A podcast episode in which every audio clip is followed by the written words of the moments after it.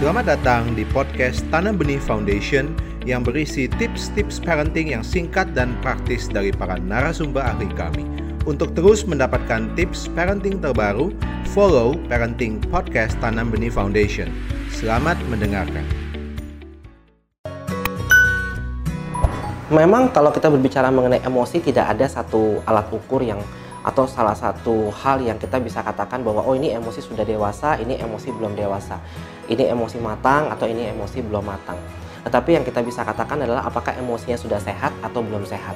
Tetapi salah satu yang mungkin kita bisa ambil begitu ya untuk kita melihat apakah emosinya sudah maksimal atau belum adalah satu bagaimana hubungan relasionalnya mereka, bagaimana hubungan sosial mereka, bagaimana um, psikososialnya mereka gitu ya apakah mereka dapat berinteraksi dengan baik? Dengan temannya dengan guru begitu ya dengan orang tua dan sebagainya. Pada saat dia bisa berinteraksi dengan baik begitu ya. Pada saat dia bisa tahu menempatkan posisinya begitu ya.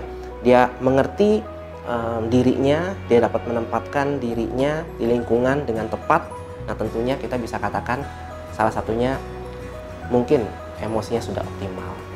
Dan yang kedua adalah dia dapat mempunyai regulasi terhadap dirinya sendiri. Dia tahu kapan dia harus mungkin menyikapi emosi ini seperti apa dan dia pas begitu dalam menyikapi emosinya. Pada saat dia harus marah, dia akan marah.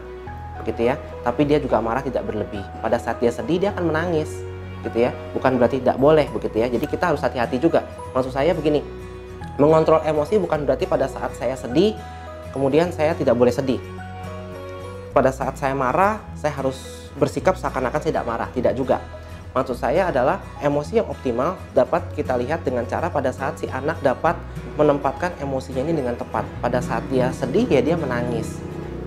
Pada saat dia senang ya dia tertawa.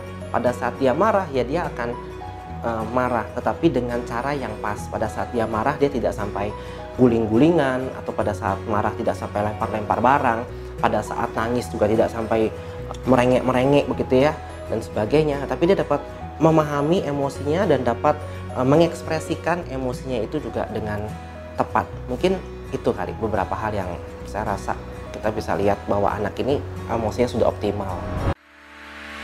Anda baru saja mendengarkan tips parenting dari Tanam Benih. Ingatlah bahwa perubahan kecil sekalipun bisa berdampak besar. Follow podcast Tanam Benih untuk ide-ide parenting lainnya.